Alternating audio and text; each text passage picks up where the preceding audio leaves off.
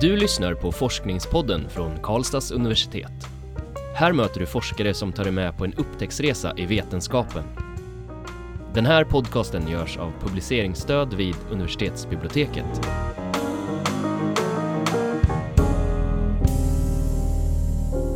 Hello and welcome. Uh, I'm Magnus. My name is Nadia.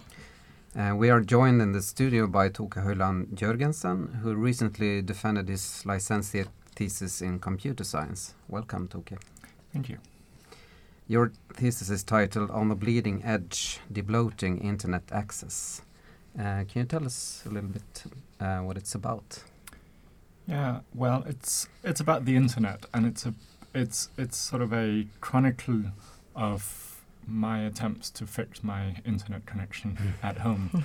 that was sort of how how I got into it, and and so um, it it contains um, various pieces of research concerned with um, how to improve performance of your home internet connection at home, so that you can actually get um, get behavior that is a lot better than, than what we are used to. Um, it's it's quite common for internet connections to break uh, in in various random ways, and it turns out we can actually fix that. Mm.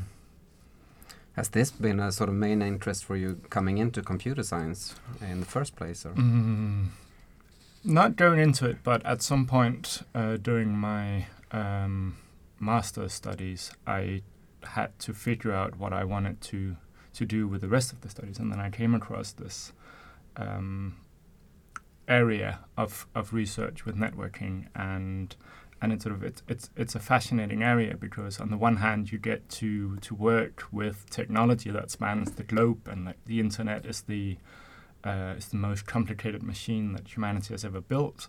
Um, but on the other hand, it's also very um, concrete in that you work with something that you can use at home, and I can sort of improve my own connection at home. Hmm. Um, in your experiments that you conducted, you have designed a measurement tool that you called Flent, or that is called Flent. Uh, can you tell us about this tool? Yes, so this was a, lo- a lot of the um, the work that I'm doing in in the thesis is experimental in nature. So you have to set up uh, computers to to emulate a real internet connection or a real network in a lab, and then you have to run lots and lots of experiments on them to uh, to elicit the behavior that they want to measure. And uh, the nice thing about computers is is that it's fairly easy to do these kinds of things, but it's also a bit of repetitive work. And then when it's all in a computer, you can program it.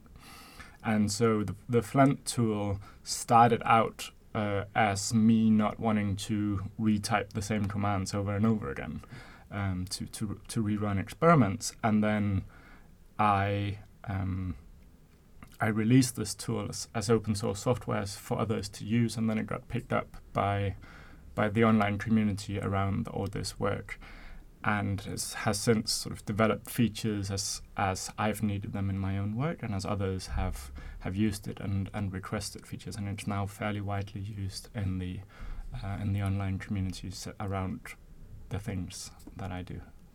What does it stand for, Flent? Flent means the Flexible Network Tester. Oh, okay. uh, you also examine a phenomenon called buffer bloat in your thesis.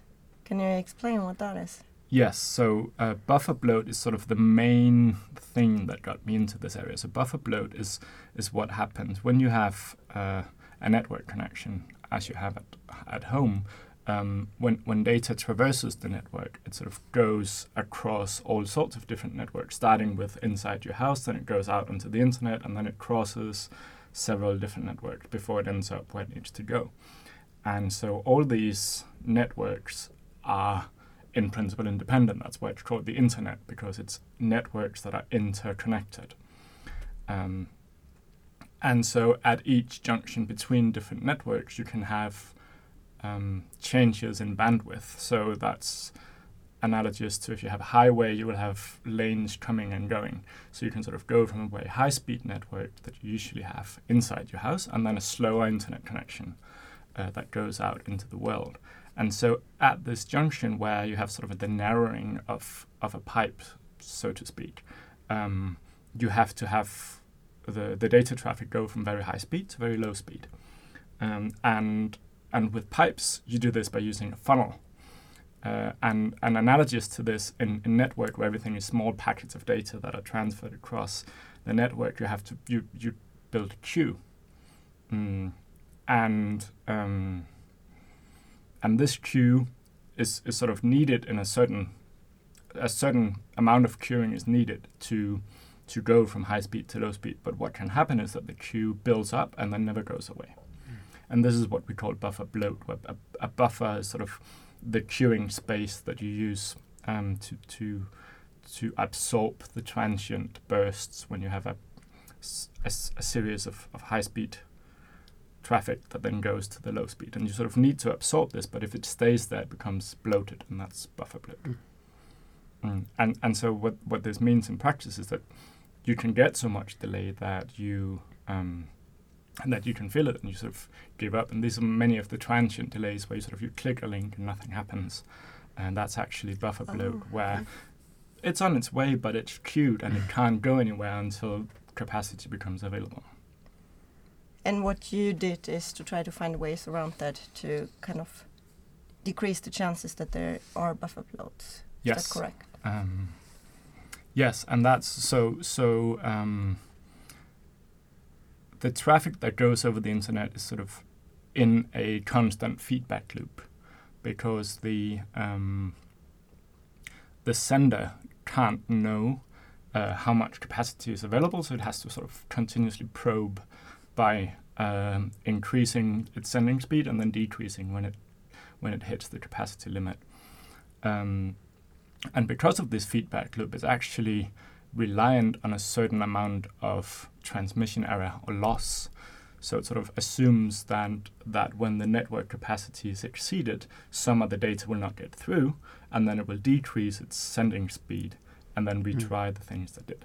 But if but if there's a very big buffer that queues up all the packets, the signal will never get to the sender, so it will never slow down. And so what you can do to fix this is that you can put in algorithms where the queue, where the buffer bloat occurs. So that's typically in your home router uh, that you have at home. You usually get it from your service provider. And what you can do here is you can put in AQM algorithms. So AQM means active queue management. So instead of just having a, a big dumb queue that will overflow at some point, you can sort of monitor the queue and as it starts to build up, uh, you can signal by, by dropping a single packet. And then that will that signal will travel all across the network and then back to the center, and that will then sh- slow down, and then you can um, avoid the queues. You only get transient, very short queue that that then doesn't build up and becomes buffer bloat. And and so part of what I did was evaluate different types of algorithms to this to figure out how well they work and which ones work best and so on. And it turns out you can actually all but eliminate um, mm-hmm. buffer bloat, at least in, in sort of the, the, the, normal case where, where you just have a wired connection. So could I call my operator and say I need another AQM code because my internet is not working properly or? Uh, yeah, in in principle you could, and they would be able to to install this. Um, but uh, odds are they wouldn't know what you were talking about. uh, so a, a, lot of the, the, the, community work has also been raising awareness of this. Um, in because a lot of, of people when, when you tell them oh we are going to drop some of your some of your packets so they don't get through they think that's bad because in many other cases it wouldn't work it wouldn't work if you have humans queuing if you have traffic or so and you can't just remove every other person from the queue. Mm. But we can actually do this with data, and, and the correct functioning of the network is dependent on this.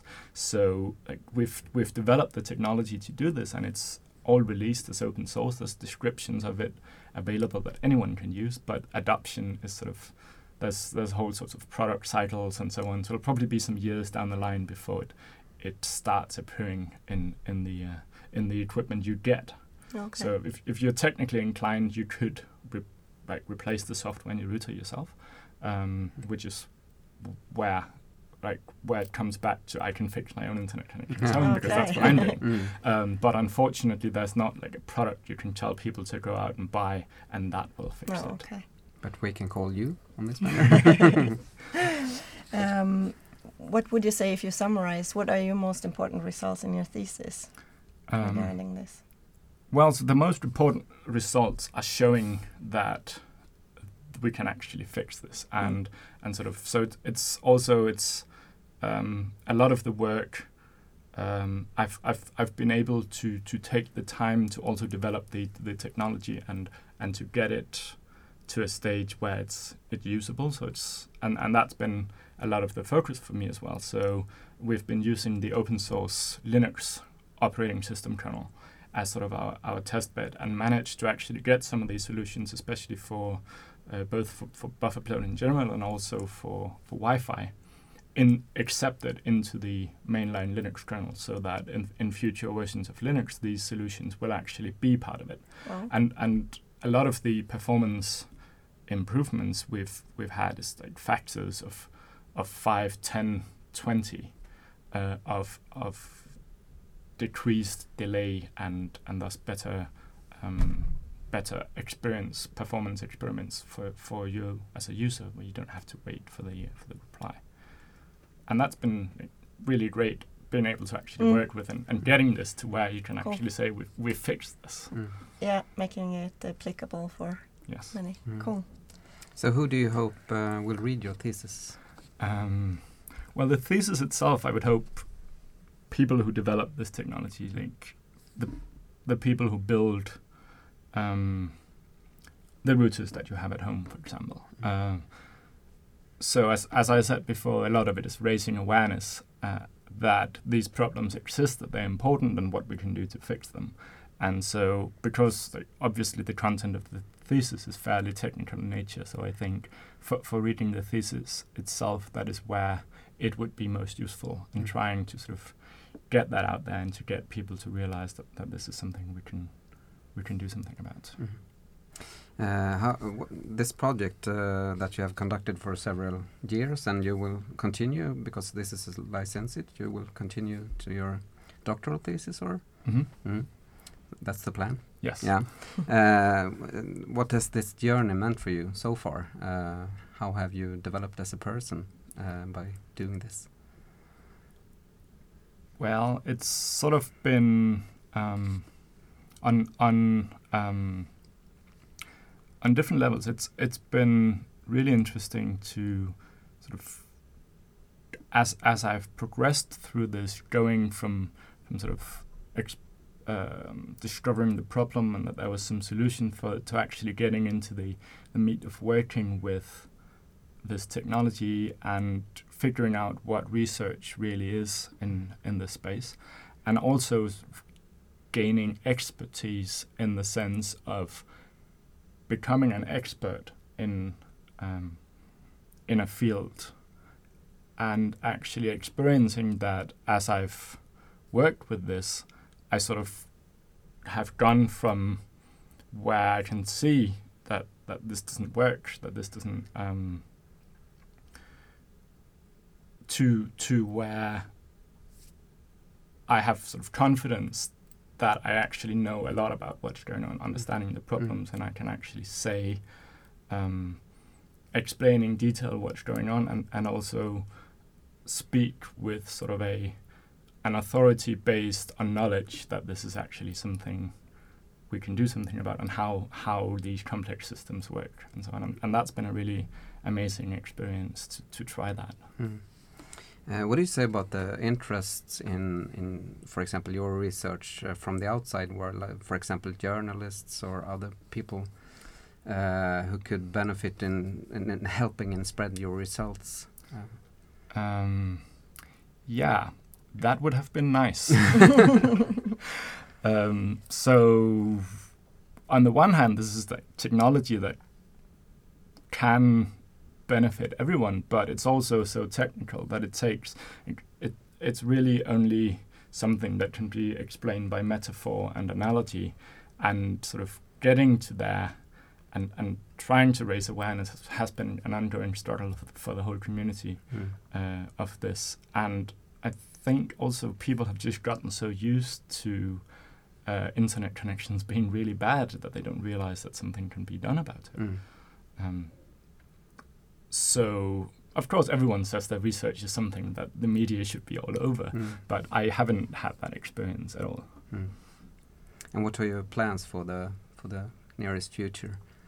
Well, the nearest future is continuing because, as you said, I'm continuing uh, for my my work towards a doctoral thesis, um, and of course, there's some some work that needs to be finished and submitted and published and so on. And I have some ideas about uh, future related work that can be done um, in the same space. For, so the, the main thing I'm looking at right now is is other aspects of uh, Wi-Fi behavior, mm. because once you start having your data sent over the airwaves in Wi-Fi, there's a lot of things that complicate things mm. because it's not like, isolated in a wire where where nothing else can interfere with it. So there's a lot of of other um, aspects of Wi-Fi behavior that I believe can be improved in much the same way that, that we've done. Maybe not quite as big improvements, but still like incremental improvements in a lot of these other areas. Mm. Okay.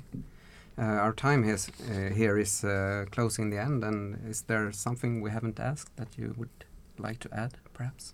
Mm. Then I hope that everyone will realize that this is actually something we can have better internet, and, and hopefully in the future it's we will have technology that just works. Thank you very much, Toke, for coming to our Forskningspodden. Um, and good luck with your upcoming research. I'm sure it will be very interesting too. We also want to thank our listeners, and we welcome you back next time when we will meet Christer Gustafsson, who recently defended his thesis in environmental and energy systems. Du har lyssnat på Forskningspodden från Karlstads universitet. Den här podcasten görs av publiceringsstöd vid universitetsbiblioteket. Alla avsnitt hittar du på kau.se forskningspodden.